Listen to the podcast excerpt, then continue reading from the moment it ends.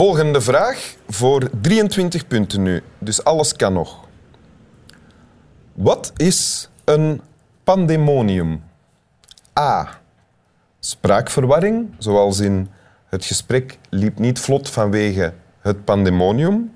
B. Een groep papegaaien, zoals in kijk, daar vliegt een pandemonium. Of C. Een oord van verderf, zoals in ga niet naar dat pandemoniumzoon, want al wat je er vindt is drugs, geweld en anale seks. A, B of C? Wat denkt u dat het is? Nee, ik denk uh, spraakverwarring. Fout, het is B. Eh, serieus? Een groep papegaaien is een pandemonium. Welkom in Winteruur, Ben Wijts. Dat nogthans moeten weten als minister van Dierenwelzijn. Ah ja, eigenlijk wel. En zelfs bevoegd ook voor, eh, voor de zoo. Ja, En maar, Plankendaal.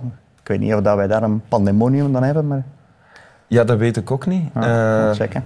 maar ja, we zijn niet echt een papegaaienland, ook niet, hè? Toch? Eh, Of in elk geval niet letterlijk. u gaat nogal snel naar de politiek. Ik, ben, maar ik, ben, ik heb u nog niet geïntroduceerd. Ik wil laten zien Ah, dat ik weet ja, wat, wat, ja. al uw bevoegdheden zijn. U bent. Vlaams minister van Mobiliteit, Openbare Werken, Toerisme, Dierenwelzijn en Vlaamse Rand. Heel goed. Voilà. Ja, En u hebt een tekst meegebracht. inderdaad. Ik heb een, een tekstje meegebracht dat er een beetje mee verpand houdt. Zal ik dat voorlezen? Ja, graag. De Vlamingen willen niet meer dan wat andere volkeren zonder strijd hebben gekregen. Een plekje waar ze volgens hun eigen aard en hun tradities kunnen leven en gelukkig zijn. Waarom heeft het de Vlamingen al zoveel moeite en strijd gekost om te krijgen wat gewoon een recht is? Dat kun je niet begrijpen zonder naar het verleden te gaan kijken. Uit de geschiedenis leer je het verhaal van je volk. Dat is vaak een triest verhaal, maar we moeten er een happy end aan maken. En dit komt uit een jeugdboek.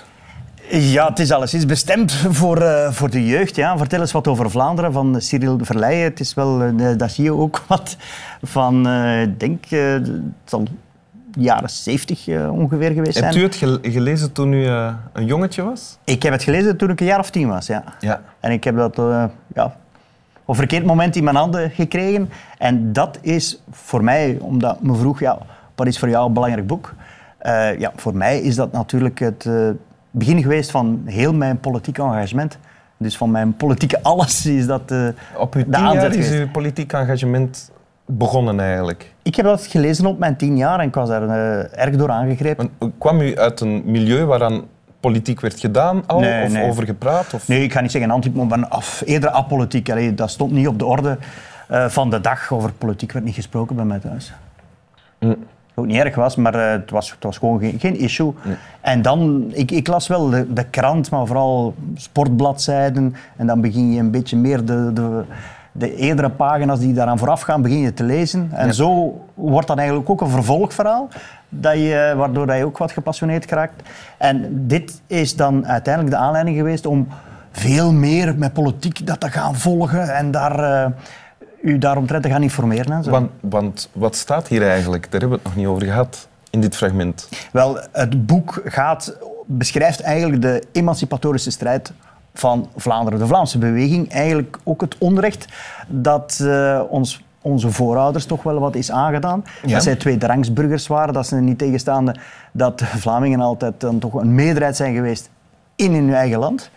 Dat zij niet dezelfde rechten hadden als eh pakweg Franstaligen. Getuigt ook over het feit dat er geen onderwijs was in, in de eigen taal, dat de justitie in het, in het Frans was. En dat er soms wel daders van gemeenrecht dat die werden berecht in een taal die hen vreemd was. Dat zijn allemaal zaken. dingen die u nog niet wist voor u het boek begon te lezen. Eh, of- ook Of was tien jaar, wist. dus dat, inderdaad, Ja. dat wist ik niet. nee. Dus dat trof u dan?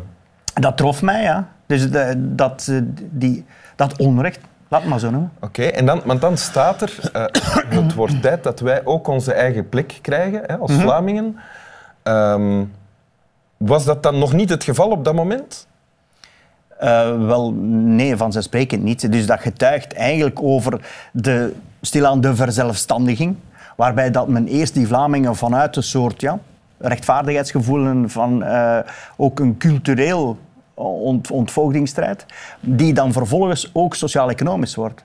En waarbij dat aanvankelijk ja, die Vlamingen gewoon gelijke rechten wouden, dat die beweging in zaken gelijke rechten vooral eenmaal dat die, uh, die demografische meerderheid ook een democratische meerderheid wordt, door het algemeen enkelvoudig stemrecht dat wordt ingevoerd, dan komt die Vlaamse massa eigenlijk in beweging.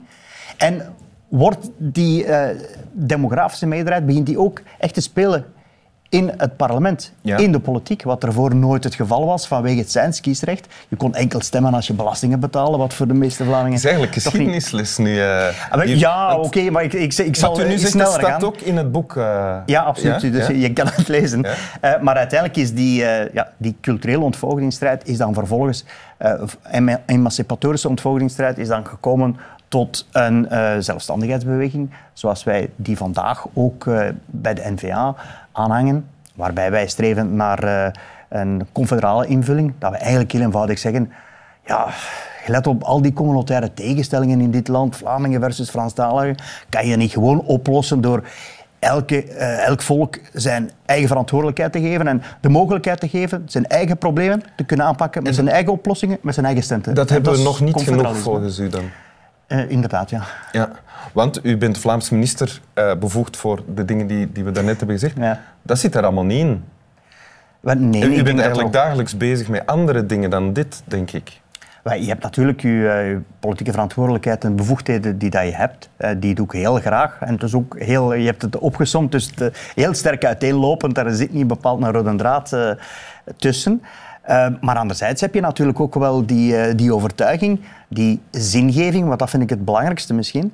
Dat, uh, op dat moment was ik als, als kind wel bezig met, met vooral groene thema's, met ecologie. Ik ben een plattelandsjongen, ben geboren onder die kerktoren en dat is niet hip om dat te zeggen, maar ik, ik hou van die kerktoren, zeker van mijn eigen kerktoren. Ik vind dat Waar ligt die?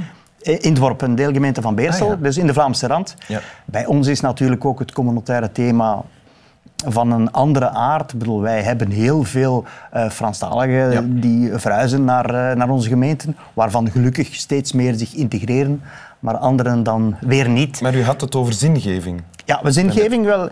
Ik vind dat... Uh, dat is zo leuk en dat maakt nu niet uit of dat nu gaat over een politieke, dan wel een andere filosofische of welke overtuiging dan ook. Maar dan krijgt uw leven een andere zin. Uh, en voor mij is dit boek dan eigenlijk een gamechanger geweest. In de zin dat ik was wel bezig met, uh, vooral mijn milieu, uh, was ik nogal fel betrokken. Uh, en dan is dit er gekomen. Ja, en dat is de, echt de zingeving van, van, van een leven. En kan u die zingeving samenvatten in, in één zin? Ja, dit is gewoon een overtuiging, waarbij dat je een bepaald ideaal nastreeft en tracht zoveel mogelijk van dat ideaal te realiseren. Moeilijker is dat niet. Oké.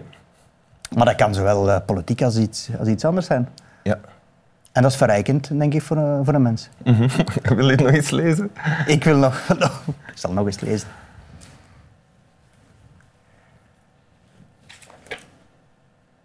De Vlamingen willen niet meer dan wat andere volkeren zonder strijd hebben gekregen. Een plekje waar ze volgens hun eigen aard en hun tradities kunnen leven en gelukkig zijn. Waarom heeft het de Vlamingen zo, zoveel moeite en strijd gekost om te krijgen wat gewoon een recht is? Dat kun je niet begrijpen zonder naar het verleden te gaan kijken. Uit de geschiedenis leer je het verhaal van je volk. Dat is vaak een triest verhaal, maar we moeten er een happy end aan maken. Dank u. Slap wel.